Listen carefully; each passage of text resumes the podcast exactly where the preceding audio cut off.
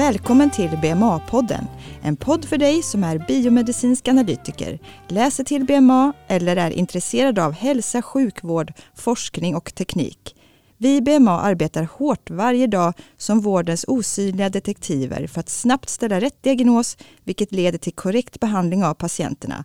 Vår podd är den första podden som riktar sig mot BMA och den enda i sitt slag. Vi som ligger bakom podden är Sanela Halak, Nafis Ahmed och Eva Fabricius.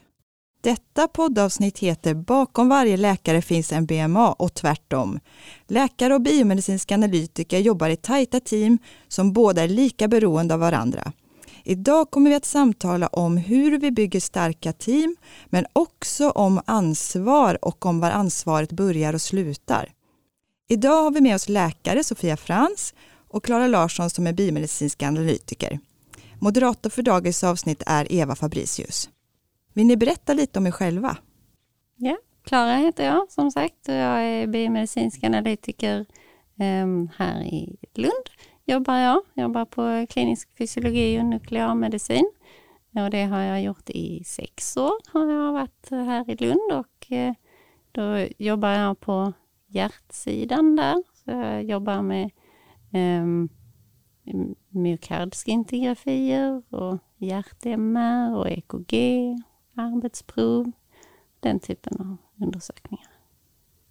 Ja, och jag heter Sofia Frantz och jag är klinisk fysiolog och läkare i Malmö. Och jag har varit specialist i tio år ehm, och jag har gjort en avhandling inom epidemiologisk lungfysiologi. Och sen så kan jag berätta att jag delar faktiskt min arbetstid mellan klinisk fysiologi och en annan arbetsplats som heter HTA Skåne som sysslar med utvärdering av nya metoder inom hälso och sjukvården. Så det finns ju ändå en viss anknytning till vardagsarbetet där också. Kul att ni är här. Då börjar jag med att fråga, vad tycker ni utmärker en bra ledare? Eh, jo, jag tycker att det är både viktigt att man kan lyssna på andras eh, frågor och åsikter och ta till sig dem och Eh, med ett öppet sinne, men att man vet också när man ska besluta och vara tydlig i sina eh, direktiv och i sin riktlinje. Men nu eh, i sin kommunikation, att det är bäst vi gör så här. Jag instämmer ju i allt vad Klara säger här. Kanske kan man ytterligare, skulle jag vilja trycka på, att att man vågar vara transparent som ledare. Att man berättar vad man har för bevekelsegrunder för saker och ting man gör. För att jag tror att det ändå ökar följsamheten i gruppen. Om man eh, gör, nu går vi åt ett visst håll och det finns anledningar till det. Det är det här att man vågar berätta om eh, anledningar till att man gör saker. Att man inte bara levererar vad som ska ske. Ja, för någonting som vi mötte mycket nu är ju det här med ansvar och vart ansvar börjar och slutar. Och exempel på det är att vi får ut så, kan, kan få ut väldigt mycket information ur exempelvis de bilder vi tittar på då, till exempel vid myokardskint. Eh, hur, hur begränsar man och, och vart börjar och slutar ansvaret? Eh, då tänker du mellan läkare och BMA här då? Ja, och även mellan kanske då läkare och vi säger patient. Om patienten har förväntningar att vi och tror att vi ser mer eller tittar efter mer än vad vi gör. Det tänker jag att det är ofta BMA som står i liksom första linjen där. För BMA är oftast den som möter patienten först och får de här frågorna. Jag sitter i rummet bredvid, till exempel på ett arbetsprov, och hör hur patienten ställer de här besvärliga frågorna till BMA och hur man får parera detta. Eh, jag personligen brukar agera så när jag hör att det börjar bli jobbigt för BMA-kollegan så brukar jag gå in. Men många gånger klarar BMA detta alldeles utmärkt och hantera det här. Eh, vad som ska levereras till patienten och inte. Men ibland är det svårt för oss alla och då är det bättre att vara två. Det är det ju, man kan ju definitivt hjälpas åt där och det är ju ehm, man får ju vara tydlig med att det här är en undersökning där vi har fått en fråga och så svarar vi på den råkar se att det var en aortadissektion så får man ju naturligtvis, kan man inte blunda för det. Det går ju stor skiljelinje tycker jag mellan akut och inte akuta fynd. För aortadissektionen som du tar upp och liknande, det måste ju ageras på direkt och då är det en information som måste utgå omedelbart. Mm. För att annars är det farligt att gå vidare. Men sen, jag brukar vara tydlig mot patienten att det här det är ingenting som är hemligt men den här undersökningen är inte färdig bara för att du går härifrån. Utan sen vidtar vårt analysarbete av BMA-kollegan och mig. Och sen när det är klart så får du ett svar via din doktor. Men när det är akuta saker så blir situationen annorlunda. Vilka förväntningar har du som läkare på våra BMA? Stora. ja, men det, det har jag ju visat av erfarenhet att jag kan ha det. Ja, jag tycker att det är viktigt att man har både olika roller ehm, och delvis överlappande roller. Jag förväntar mig att inte behöva i efterhand kontrollera någonting som en BMA-kollega har gjort. Så det gör inte jag, utan det får man i så fall signalera om man behöver hjälp med någonting som ska kontrolleras. Så en BMA är en legitimerad person som har en utmärkt utbildning och erfarenhet och kan jättemycket som jag tar stor nytta av men inte eh, tänker automatiskt kontrollera för. Men sen en annan sak att man vill du det här är jag tveksam, kan vi kolla på det här tillsammans? Det är jag ju jätteglad för att göra. Men annars så förväntar jag mig att det är bra, det som jag får ut. En sak som jag särskilt då skulle vilja understryka är det här med kvalitetskontroll. Så att, man, att de värden som man får ut, att, man, att, att de är kontrollerade. Att man vet att de här stämmer med de metoder vi har, de har följt. Och att man signalerar när det avviker från det. Så att just kvalitetskontrollbiten vill jag särskilt poängtera. Det ingår ju i arbetsuppgifterna som en BMA att ha en kvalitetskontroll av undersökningen och att man är det någonting som av någon anledning varit mätsvårigheter eller att det skulle vara lite otydligt, då är det ju viktigt att man kommunicerar.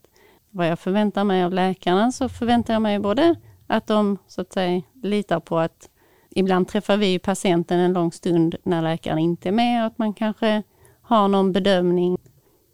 Jag förväntar mig att man får tydligt vad det är som behövs för att besvara undersökningen.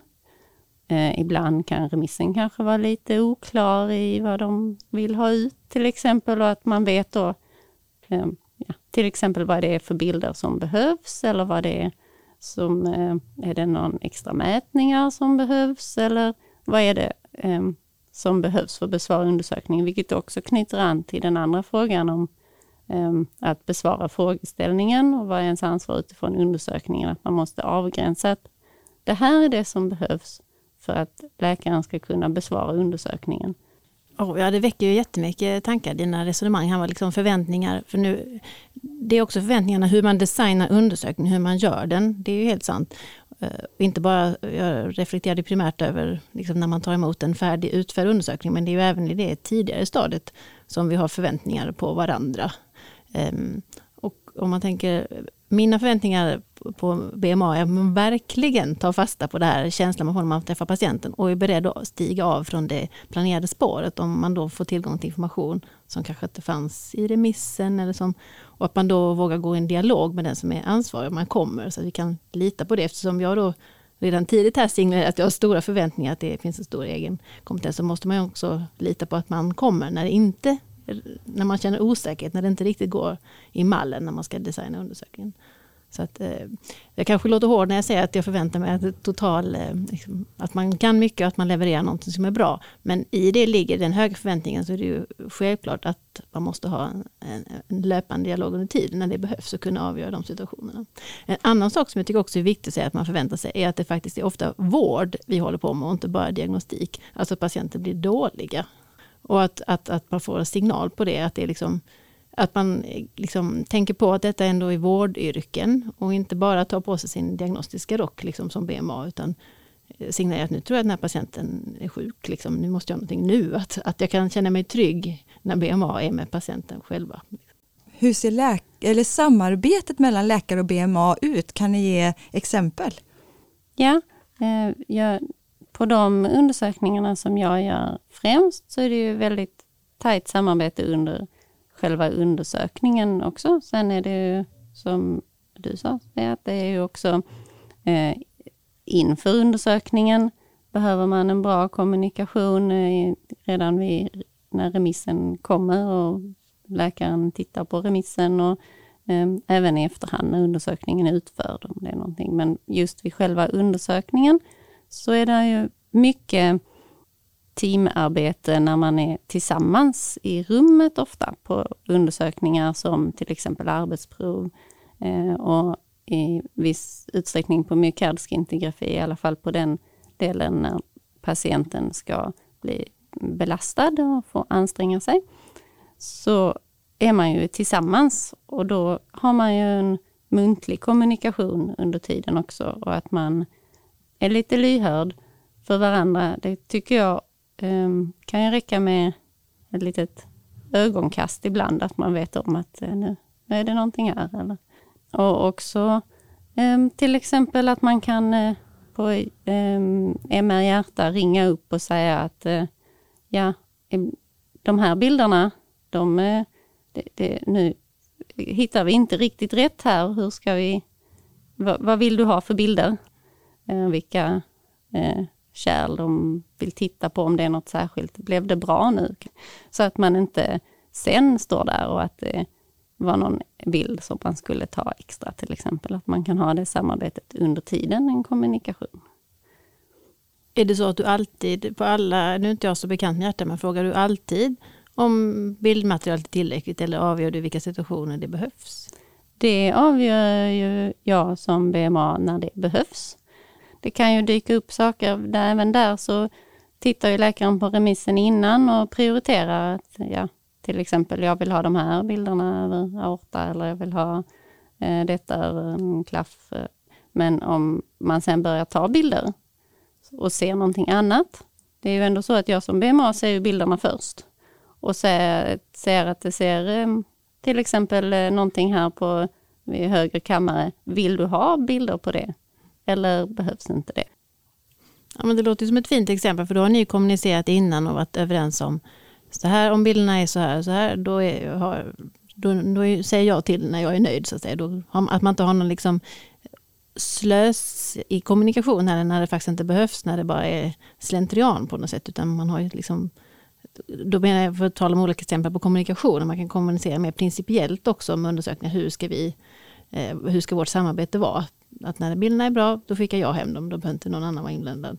Säger Att det fungerar bra, det tycker jag är ett fint exempel. Att man kan välja ut vilka situationer när det behöver eh, vara någon extra åsikt eller göras på något annat sätt. Men jag eh, har funderat på en sak som jag kan fråga dig då Klara. När man har, det är en sak när man gör ett arbetsprov eller myokardskinbelastning med någon som man har jobbat med i tio år. Men när de kommer de nya kollegorna, liksom man blir inkastad direkt där, nu ska vi... Det, då är det inga ögonkast som gäller, liksom, utan då måste man ju ändå vara lite mer tydlig. Vad, vad har du för önskemål där? Det är definitivt sant att det är ju en stor skillnad på att eh, ha ett samarbete med någon som man har kan, jobbat med i kanske flera år och att man eh, vet vad som gäller och det kan räcka med att säga och så vet den personen att eh, det var någonting som man ska titta på. Men är det någon som är mer ny, då får man ju vara lite tydligare i kommunikationen förklara vad man förväntar sig lite grann, tror jag. Vid en belastning av patienten så är man ju tillsammans med patienten oftast på varsin sida. Det har ju hänt att eh, jag till exempel har varit tyckt att jag fått, nu får jag vara lite tydlig. Blodtrycksfall! nu går vi över till britsen. Ja. Har du några protester? Och så gör man det samtidigt. Annars får de väl protestera. Ja, till exempel. Vad händer när det blir missar i kommunikation och ansvarsfördelning? Har ni exempel på det? Eller vad kan hända? Ja, det, det kan ju vara farligt för patienten. Så det är ju verkligen eh, någonting som aktivt måste undvikas. Det låter som att både Klara och jag jobbar rätt så proaktivt här för att inte man ska komma i de situationerna. Och att man får liksom bjuda på det att när det är de nya kollegorna och säger nu är det så här. Det här är en patient som det är hög risk för att det här kan bli farligt. Där måste jag, du måste ta blodtryck varje minut. Så att man inte tar någonting för givet i de situationerna. För att, alltså, det får ju inte hända. Men det kan ju hända saker som att eh, om man har ultraljud och så tar du en extra bild och, och, så, så har man inte varit tydlig utan man har förutsatt att en BMA-kollegan förstod vilken bild man menar och så sitter man där sen med ett inkomplett bildmaterial. Så man får skylla sig delvis själv för att man inte har liksom försäkrat sig om att den informationen har nått fram som man trodde. Så det, ja, jag är säkert, jag brukar anse att jag pratar för mycket med BMA så för att det ska bli tydligt. Men jag tycker verkligen att det är någon sak som är viktig att undvika, att det blir missar på grund av att man inte har pratat med varandra. Det är vissa sammanhang, till exempel på myokardskint kan man ta som exempel, eller myokardskintgrafi kan man ta som exempel, eh, att eh, där tittar ju vi BMA på bilderna, åtminstone i Lund, och eh, vissa bedömer i förväg om patienten ska göra en vila och i vissa fall om de ska eh, gå hem och alltså inte behöva en vidare bildtagning för att de då skulle vara eh, friska, så att man kan hoppa över den andra stråldosen. stråldosen. Vi har vissa riktlinjer som biomedicinska analytiker när vi, som även om vi följer dem och släpper hem patienten, så ibland så tycker läkaren att det här behöver kompletteras. Och då är det viktigt att man vet att ja, det här är inte mitt ansvarsområde. Jag behöver inte ta illa vid mig på något sätt. Sen tänker jag, du tar ju upp en generell trend som har blivit lite nu. Att eh, eh vi ska försöka slimma vårt arbete mer och att liksom man skickar hem och bestämmer att det inte ska vara någon vila till exempel. Eh, och vi har ju på Ultra då att man kör, eh, BMA kör själva hela ekokardiografiska undersökningen. Och det har ju övervägande varit oerhört positivt för läkarnas arbetsmiljö. Att, att vi arbetar så att vi liksom utnyttjar BMAs kompetens på ett bättre sätt. Så har ju blivit väldigt gynnsamt för vår arbetsmiljö, måste jag påpeka. Och när du berättar då det här med att man ibland får man kalla tillbaka, det har ju också blivit väldigt mycket färre än vad det liksom gissades på att det skulle bli när man införde sånt. För det är ju ytterst kompetenta medarbetare vi har. Så att eh, det har och jag tycker inte heller, håller inte med att, att det skulle räknas som att det är ett, ett miss i kommunikationen när man får göra så, utan det är, eh, liksom, det är en beräknad liksom, biverkan av ett system som vi använder som totalt sett ändå är väldigt positivt och gynnsamt. Så att, eh, det, det, det, skulle jag inte riktigt hänföra till liksom miss i kommunikationen när man liksom ibland måste kalla tillbaka patienten. Utan det, det ingår i konceptet. Då tycker jag att de här orden får avsluta dagens avsnitt. Och Eh, vi har idag pratat om gruppkänsla, samarbete och ansvar. Och tusen tack Klara och Sofia.